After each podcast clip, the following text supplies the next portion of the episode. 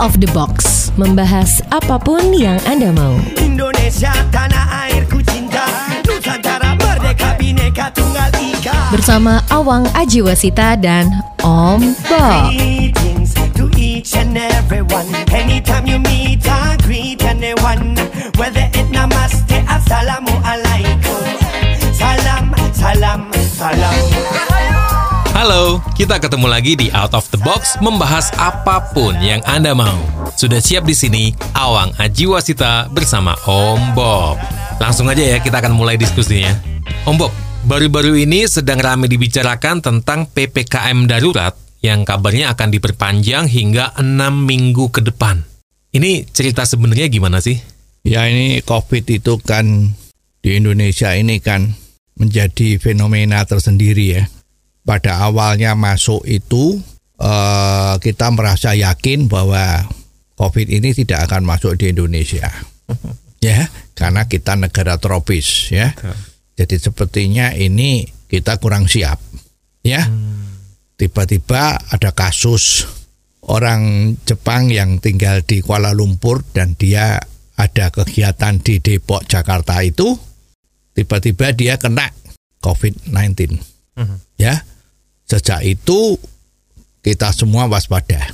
Ya. Tetapi kenyataannya waspadanya kita itu kurang. Ya. Jadi mulai tahun kemarin sampai sekarang ini kita punya terinfeksi COVID itu naik turun terus ya. Nah terakhir belakangan ini setelah Lebaran tahun 2021 ini ya itu sesuai yang sudah diprediksi. Ya, itu ternyata memang betul yang terjangkit COVID-19 ini begitu banyak.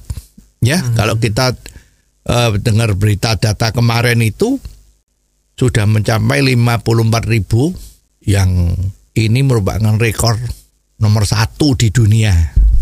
Ya dulu kita melihat India yang begitu terpapar ya kekurangan oksigen untuk eh, menterapi orang yang menderita sakit COVID-19 ini kita sempat juga ngirim bantuan ya.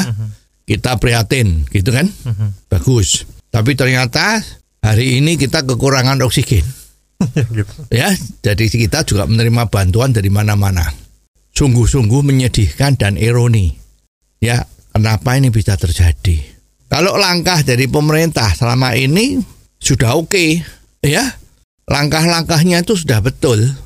Artinya langkah-langkah itu adalah strategisnya ya. Jadi kita harus ngatasinya pakai 3M, 5M, ya. Itu udah betul. Himbauan-himbauan sudah benar, ya. Terus juga obat-obatan yang disiapkan sudah benar, ya. Bantuan sosial yang direncanakan sudah betul, ya. Tetapi dalam implementasinya itu menjadi kita tahu menjadi problem sekali. Bantuan sosial dikorupsi, ya. iya. Terus eh, pemalsuan-pemalsuan surat bebas COVID ya itu kan swab test atau PCR test itu terjadi di mana-mana. Nggak cuman itu, kita agak terlalu cepat seperti misalnya adanya perjalanan-perjalanan itu kan sudah dibatasi, tapi syaratnya itu kok sepertinya lunak. Yang yang diperlukan adalah swab test antigen. Betul. Padahal swab test antigen itu walaupun itu negatif, tetapi untuk kriteria tertentu tes swab antigen itu tidak menjangkau. Ya, jadi kalau yang positif itu pasti dia pasti sudah itu pasti kena COVID-19 terinfeksi ya. Oke. Tapi yang negatif Aha. itu belum tentu karena range-nya swab test antigen itu tidak menjangkau orang yang terinfeksi COVID-19 dengan tingkat ketularannya itu yang udah tinggi. Oke. Ya, lah sekarang juga genus. Aha. Genus sempat digembar-gemborkan bahwa ini luar biasa ya untuk mendeteksi orang kena virus COVID-19 atau tidak cukup pakai hembusan napas genus. Biayanya murah 25.000 atau 40.000 dan sebagainya. Itu menjadi syarat perjalanan orang untuk bepergian. Padahal ini maaf genus ini kan yang menemukan dari universitas terkenal di Indonesia lah ya. Yaitu terlalu cepat dianggap ini bisa mewakili. Oke. Ya, jadi semua ketidakhati-hatian ini yang dibungkus dengan kebanggaan-kebanggaan yang eh, semu jadilah seperti ini. Ya, jadi kemarin lebaran sebelum lebaran Covid di Indonesia itu kan sudah turun ya. Mhm, Betul.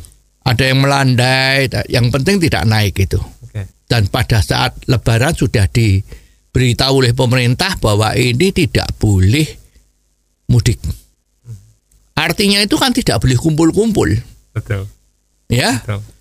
Lah, ternyata terjadilah kelolosan-lolosan yang tadi itu swab gen diperiksa, kalau negatif lolos. Kalau genus negatif lolos. Jadi semua ini ikut andil menjadi penyebab membengkaknya atau istilahnya itu tsunami COVID-19 ya di Indonesia. Wah. Wah ini ini memang betul-betul kita prihatin sekali ya. Ya kalau kita tahu beberapa ungkapan-ungkapan dari luar negeri itu kan Indonesia itu kok sepertinya bukan mencapai herd immunity tetapi terjadinya adalah herd stupidity. Kita malu. Ya, ini gimana? Itu sampai bisa muncul herd stupidity, kira-kira kenapa ya, Bob? Ya kan you tahu sendiri kalau kita lihat dari televisi itu ya pelaksanaannya itu terjadi simpang siur dikarenakan yang ada di daerah itu diperbolehkan untuk menyesuaikan diri dengan keadaan dan situasinya setempat. Ya, istilahnya itu ya eh, masing-masing daerah punya gaya sendiri-sendiri ya disilahkan begitu. Ya jadi tidak ada ketegasan SOP yang benar sehingga masih bisa dipelintar-pelintir. Hmm. Ya petugas lapangan di dalam menjalankan tugas ini juga eh, sepertinya mempunyai kebijakan-kebijakan yang menurut oknum tadi itu ya memang seharusnya dilakukan seperti itu. Nah, ini kan susah ya. Contohnya banyak sekali kan. Ah, misalnya ya kerumunan-kerumunan yang terjadi ya hanya diperingatkan untuk dibubarkan. Oke. Sebelum terjadi yang seperti ini, kalau kedapatan yang tidak pakai masker, cuman dihimbau. Besok kalau ke mana-mana pakai masker ya dek, ya terus dikasih masker gratis, Oke. ya. Jadi sepertinya pemakaian masker itu tidak utama, padahal dari seluruh dunia itu dikatakan kunci untuk mencegah terjadinya penularan COVID ini kalau semua bisa pakai masker, maka 90% masalah ini sudah selesai. Di Indonesia sekarang kita lihat yang tidak pakai masker masih banyak yang kita temui. Ini yang jadi repot karena pemerintah kurang tegas. Maksudnya petugas lapangan ya. Oke. Pemerintahnya udah bener, sosialisasi juga sudah bener. Lah ini menjadi problem. Terbukti sekarang nggak karuan nih. Sekarang kalau kita bicara PPKM atau istilahnya apa itu terlalu banyak yang digonta ganti ya, yang kondisi darurat terakhir ini, bagaimana pelaksanaannya kalau kita mau tahu? Itu katanya semi lockdown lah ya. Mhm. Itu jalanan-jalanan tuh disekat. Betul. Ya, tapi kemarin ada berita kalau malam hari itu bisa lolos. Oh. Ya, penyekatan hanya sampai jam 10 malam, setelah jam 10 malam tidak disekat lagi. Ini tujuannya apa? Jadi orang yang kepingin masuk Jakarta Mhm. itu tunggu malam hari masuk. Entah petugasnya sudah capek atau gimana kita nggak tahu. Ya tapi juga nggak terjadi di Jakarta doang. Di seluruh Pulau Jawa ini juga sepertinya seperti itu. Kalau udah malam jam 10 mulailah yang namanya sekat-sekat itu nggak ada bisa masuk.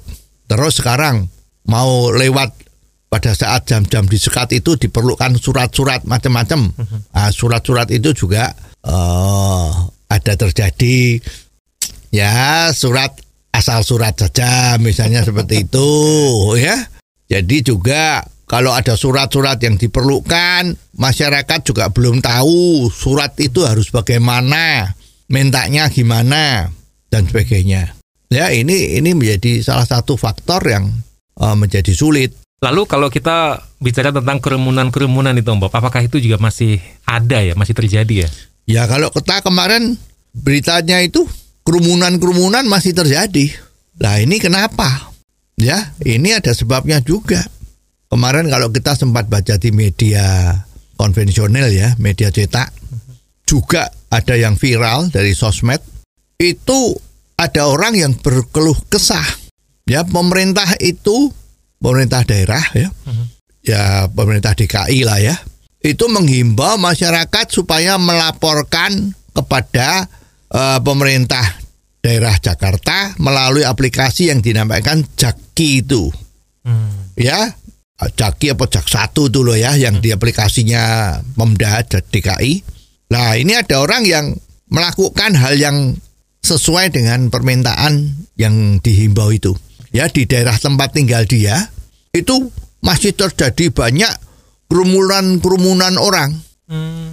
Nah, dia mempunyai tanggung jawab sosial yang besar. Ini kalau kerumunan-kerumunan masih terjadi, kapan ini COVID ini bisa hilang? Dia juga merasa terganggu karena dia tinggal di di daerah tadi orang-orang yang berkerumun itu. Dia laporlah ke aplikasi Jakarta itu. Apa lacur yang terjadi? Memang dalam waktu tidak lama itu datanglah petugas-petugas satpol untuk membubarkan kerumunan itu. Oke. Ya. Nah ini celakanya ini petugas yang membubarkan itu bicara dengan kelompok-kelompok itu. Maaf bang, wah ya, kamu harus bubar berdasarkan laporan dari si M. Wah namanya budalan M lah ya. Berdasarkan laporan dari M terjadi kerumunan di daerah sini. Maka sekarang harus dibubarkan diri. Nah ini gimana? Efeknya si M tadi itu ini nama samaran ya. Si M tadi itu kena bully dari penduduk-penduduk sekitarnya dia Waduh. menjadi musuh. Ini kenapa kamu lapor gitu kan? Bulinya nggak karuan. Nah ini gimana? Jadi konsep-konsep melindungi pelapor itu tidak jalan. Ya, ini yang salah siapa? ini susah. Ya jadi kalau orang yang berwenang, oknum petugas tadi itu ya dari gubernuran tadi itu kan. Ini laporannya kan ma- masuk ke gubernuran tuh ya. Oke. luar biasa kan. Lapor nanti kita akan tidak lanjutin. Tetapi dibocorkan yang lapor siapa? Gimana? Ini kan menjadikan orang takut lapor karena pelapor saksi lama-lama dibully sama orang yang merasa terganggu atas laporannya itu. Ini kan sama sekali melanggar melanggar prinsip perlindungan terhadap saksi. Nah, kalau sampai tingkat yang seperti ini aja urusan yang maaf, urusan ini kan dianggap sepele kan. Itu ternyata juga lolos bocor yang lapor siapa. Itu gimana? Kasus ini kan sama. Indonesia membebaskan korupsi, tetapi kalau ada pelapor nanti yang jadi laporan malah yang memberi laporan malah bisa susah kan? Karena kasus ini. Ya, jadi sebetulnya untuk mengatasi Covid ini semua itu harus betul-betul terintegrasi dan mempunyai jiwa untuk mengatasi membela Indonesia agar supaya lolos dari COVID-19 ini dengan segala cara di mana 5M tadi itu kan harus diketatin. Ya itu harus dijalankan dengan betul. Masyarakat diminta untuk terlibat di dalam mengawasi. Siap. Siap. sudah lapor. Keamanan yang melaporkan ini menjadi dipertanyakan. Wah, gimana? Yang harusnya rahasia menjadi rahasia umum. Ini kan nggak boleh. Ya, sekarang lagi nih masalah obat-obatan. Oke. Ya, kita bicara ivermectin. Oke. Itu obat cacing yang untuk hewan semu semulanya ya. Itu ternyata ada dua pihak yang bertentangan pendapatnya. Satu pihak termasuk profesor-profesor di Amerika, termasuk yang ada di Afrika, juga di India ya. Itu mengatakan bahwa mungkin secara tidak sengaja ya, secara tidak sengaja menemukan bahwa ivermectin yang obat anti parasit atau membunuh parasit ini dicobakan untuk penderita COVID ternyata dari penderita COVID itu yang sudah terserang ya itu 80% sembuh. Wow. Sedangkan yang tidak dengan obat ivermectin itu yang sembuh 20%. Oh. Ya, tetapi ada kelompok yang lain yang mengatakan bahwa itu obat kan bukan untuk manusia. Jadi belum meloloskan Oh. uji kliniknya yang demikian ketat karena untuk manusia kan harus super hati-hati ya. Kita kan manusia ngobati manusia harus super hati-hati ya. Ini ternyata juga di tempat kita ini sulit amat untuk bisa kita mendapatkan obat ivermectin tadi itu. Ya, sebetulnya ini juga istilahnya itu kan ya di dalam mengambil keputusan itu kan nggak cuman melulu dari ilmu saja. Oke. Ya, ini ada suara bisa, ada suara tidak bisa. Kita menganut harus hati-hati. Ya, Nah, kita mengdewakan hati-hatinya. Wah, jadi tidak bisa, ini tidak boleh ya. Nanti bisa macam-macam. Kasihan manusianya. Wah, gitu kan? Tetapi kalau lihat kondisi lapangan, kenapa kalau makan itu 80% sembuh?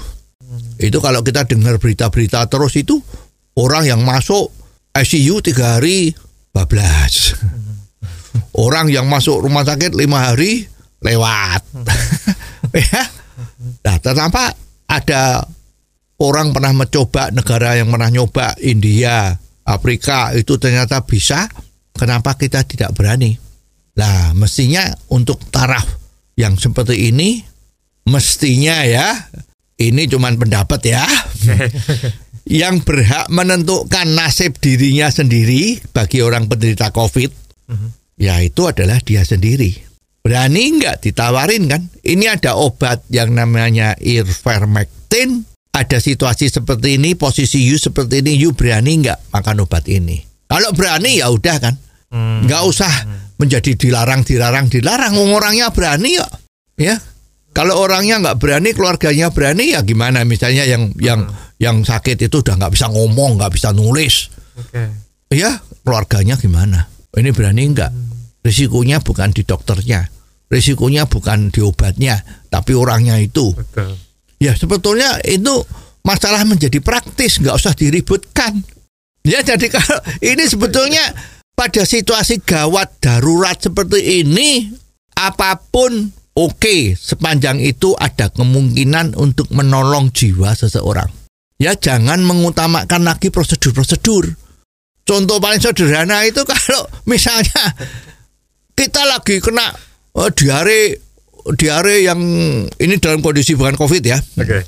diare yang tidak bisa berhenti kita masuk IGD zaman dulu namanya UGD ya sekarang jadi IGD ganti-ganti istilah lagi. Masuk ke rumah sakit prosedur dulu. Kamu siapa? ATP-nya mana? Punya BPJS atau tidak ya? Terus ada uang muka atau tidak? Ini siapa yang menjamin? Ini harus lewat dokter dulu sebelum bisa diobati ya mindset itu sudah langsung orang itu akan dehidrasi dan meninggal pada saat prosedur-prosedur administrasi tadi itu belum selesai. Ya, jadi dalam keadaan darurat itu prosedur boleh dilewatin. Ini juga begitu. Keadaan darurat. Sekarang COVID-19 ini sudah ada obatnya belum? Belum ada. Belum ada kan berarti semua darurat. Semua obat itu ya coba-coba "Mi, biasanya ini sembuh, biasanya ini sembuh. tapi nggak ada yang yakin bahwa ini sembuh. Ya, kalau sembuh bisa tapi lama misalnya begitu. Oke. Ah, sebelum sembuh udah meninggal. Nah, ini kan darurat. Ya prosedur ini ivermectin ini belum pernah dicoba. Uji coba secara klinis. Wah, itu banyak kan itu pejabat kita yang ngomong belum pernah dicoba secara uji klinis. Rekomendasinya harus pakai resep dokter. Wah. Ya. Jadi masalah ivermectin yang harus pakai resep dokter ini juga menjadi problem. Orang udah tahu seperti itu dan orang sekarang udah pada tahu bahwa ivermectin itu obat COVID yang sedang jadi kontroversial. Jadi orang ya juga harus cepat-cepat kalau ada keluarganya atau teman dekatnya itu kena itu juga dia mau cari ivermectin, beli di mana-mana. Tapi kalau harus syaratnya pakai surat resep dokter, prosedur lagi. Dia harus pergi ke dokter, prakteknya antri. ya, ini kerumunan tuh antri-antri itu kan kerumunan itu, ya. Nah, itu juga bisa repot kan? Kenapa enggak nanggung-nanggung ya dibebaskan sekalian? Toh obat itu harganya murah. Kimia Farma bikin cuman kurang lebih 7.500 per butirnya. Katanya makan 3 butir atau 5 butir itu penyakitnya lewat. Orangnya sembuh. Kenapa harus seperti ini? Enggak cuman begini.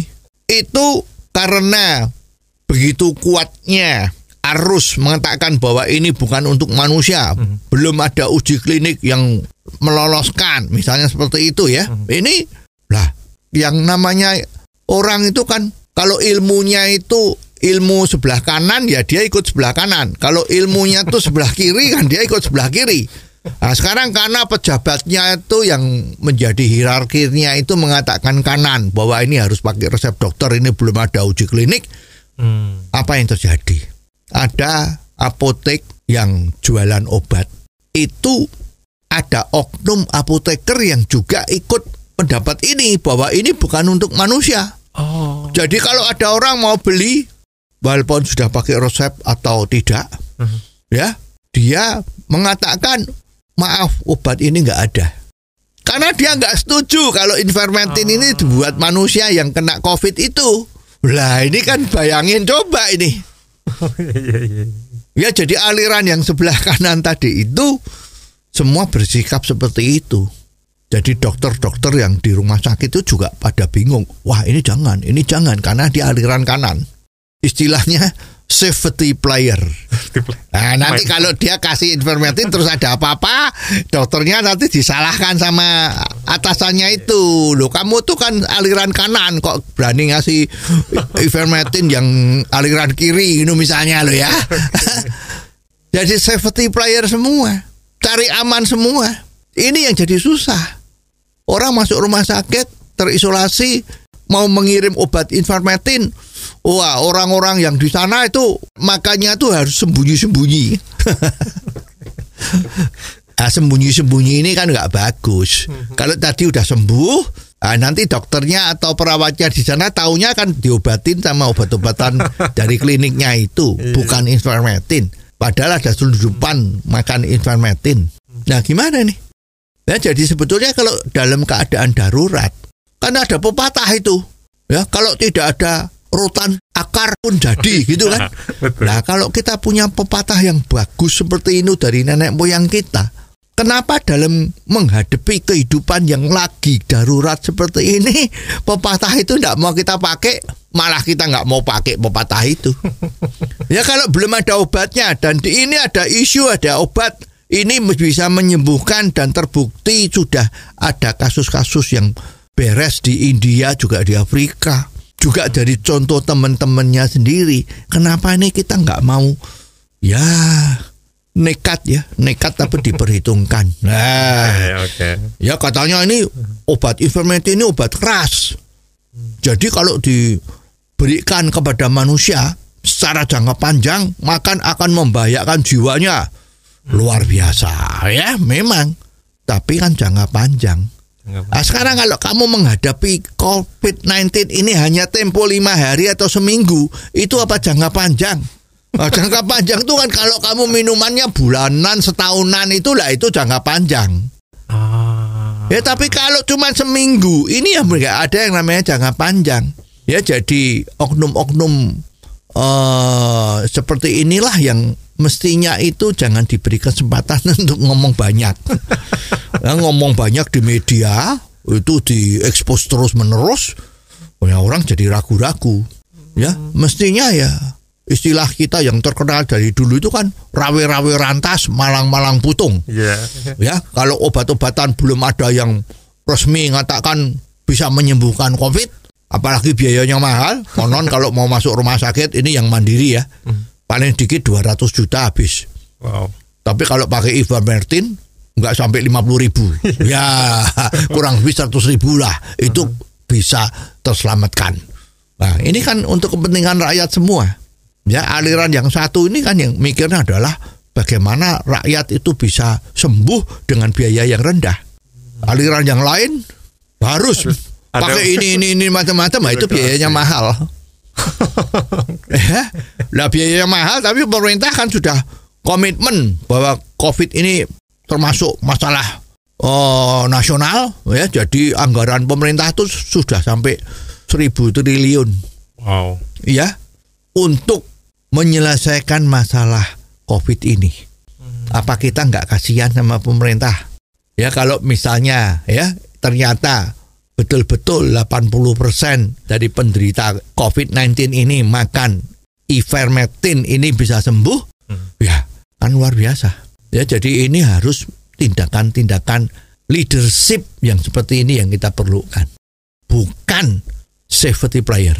Kalau kita lihat kondisi sekarang di Indonesia, Om Bob, yang PPKM darurat lah, Jawa Bali, kasus-kasus yang cenderung selalu bertambah. Ini terus gimana ya?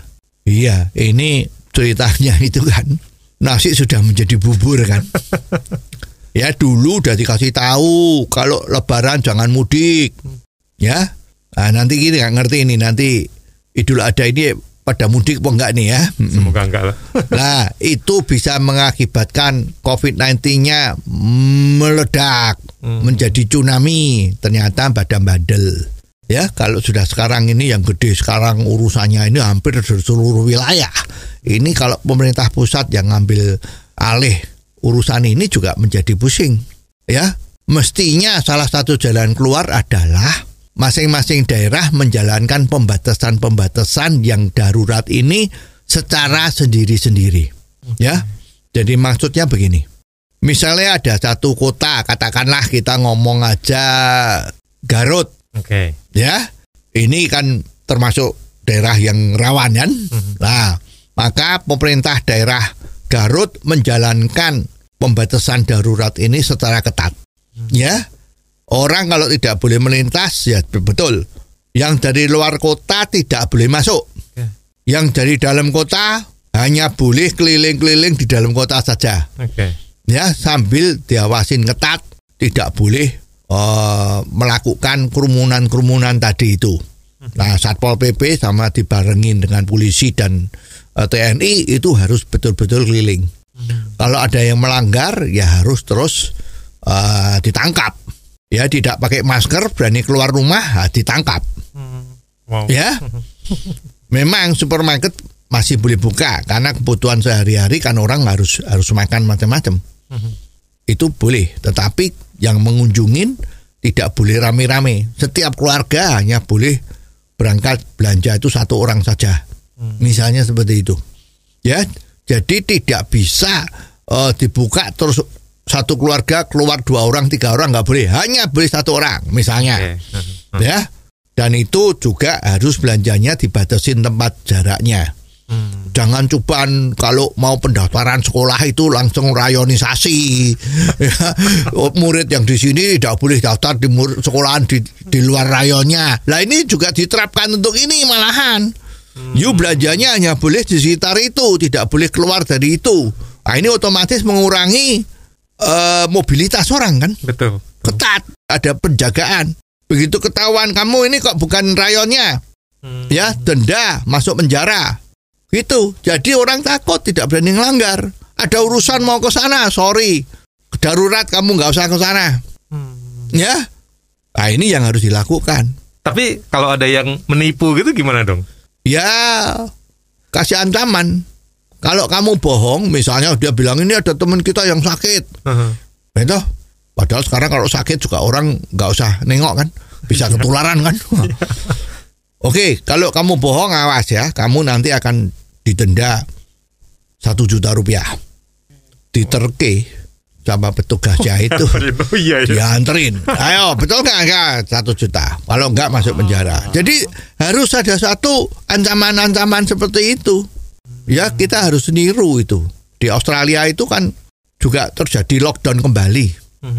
Ya lockdownnya sana juga sama kok, masih boleh pergi, tapi dibatasin betul. Di Australia ya, di Melbourne itu. Dia kena lagi nih, ada yang kena kasus langsung dia lockdown. Lockdownnya tapi juga seperti di Indonesia. Ya 80%. Syaratnya bagaimana? Kalau mau belanja makanan itu boleh. Satu rumah tangga hanya boleh satu orang Oh. sehari sekali. Tidak boleh berkali-kali ya. Pembatasan wilayah dibatasin ya kan satu rayon-rayon itu jadi tidak boleh keluar dari rayonnya itu. Oke. Ya, itu betul juga kan? Terus mau berolahraga supaya sehat. Oh, boleh, Oh, boleh. tapi maksimum dua orang. Oh. Juga tidak boleh lebih dari rayonnya. Oke, oke. Ya, jadi kalau di dekatnya itu ada lapangan yang sedikit itu ya kamu boleh olahraga. Oke. Dan ada batas waktunya satu jam, nggak boleh lebih. Harus kembali lagi. Terus begitu keluar rumah harus pakai masker. Walaupun sendirian, kalau keluar rumah itu harus pakai masker. Ya, jadi ini ketentuan-ketentuan ini cukup manusiawi kan. Mhm. Ya, tapi ya jalankan dengan benar. Dikontrol betul. Ya jangan cuma ngomong doang. Kalau udah mau diucapkan berarti sudah dilaksanakan, nggak bisa. Ya lah. Jadi ini ini yang harus dilakukan seperti itu. Kalau kita nggak mau seperti ini, apa yang dikhawatirkan ini sudah sempat diomong-omong ini di televisi juga kan? Tidak lama lagi Indonesia sehari akan tembus menjadi 100 ribu yang terinfeksi. Itu akan terwujud. Jadi sekarang semua harus hati-hati betul. Ya, jalankanlah pembatasan darurat ini dengan serius. Ya, jangan lagi macam-macam. Dan semua orang wajib melakukan vaksinasi. Nah, ini yang benar. Oke. Nah, sekarang pikirkan diri sendiri di negara kita, di lingkungan Anda. Masih adakah yang tidak mau vaksin? Dengan alasan yang ya begitulah ya. Oke. Ya, katanya itu kan apa pun keyakinan kita, dasarnya tetap adalah ilmu pengetahuan. Ilmu pengetahuan adalah berkembang terus ya. Jadi kita harus mengikuti ilmu pengetahuan itu untuk diterapkan dengan keyakinan kita. Jangan kita tenggelam dengan keyakinan yang istilah orang Jawanya itu pokoknya. pokoknya aku moh. ya itu harus ditinggalkan agar supaya segera Indonesia terlepas dari COVID-19 ini. Betul-betul prihatin kalau kita tidak bekerja sama dengan pemerintah melalui diri kita sendiri, bahaya sekali negara kita akan menjadi susah untuk bangkit kembali. Oke. Dan sekian episode kali ini. Terima kasih untuk kebersamaan Anda. Kalau Anda punya komentar tentang apa pun juga yang bisa kita bahas di sini, langsung aja dikirim melalui WhatsApp ke 0878 5590 7788. Jangan Anda lewatkan Out of the Box versi singkat atau pendek dalam program Underline yang disiarkan di radio kesayangan Anda ini setiap hari. Ikuti juga YouTube channel Om Bob Indonesia. Sampai ketemu di episode selanjutnya, Awang Aji Wasita bersama Om Bob. Tentunya di Out of the Box membahas apa pun yang Anda mau. Out of the box. Membahas apa pun yang Anda mau.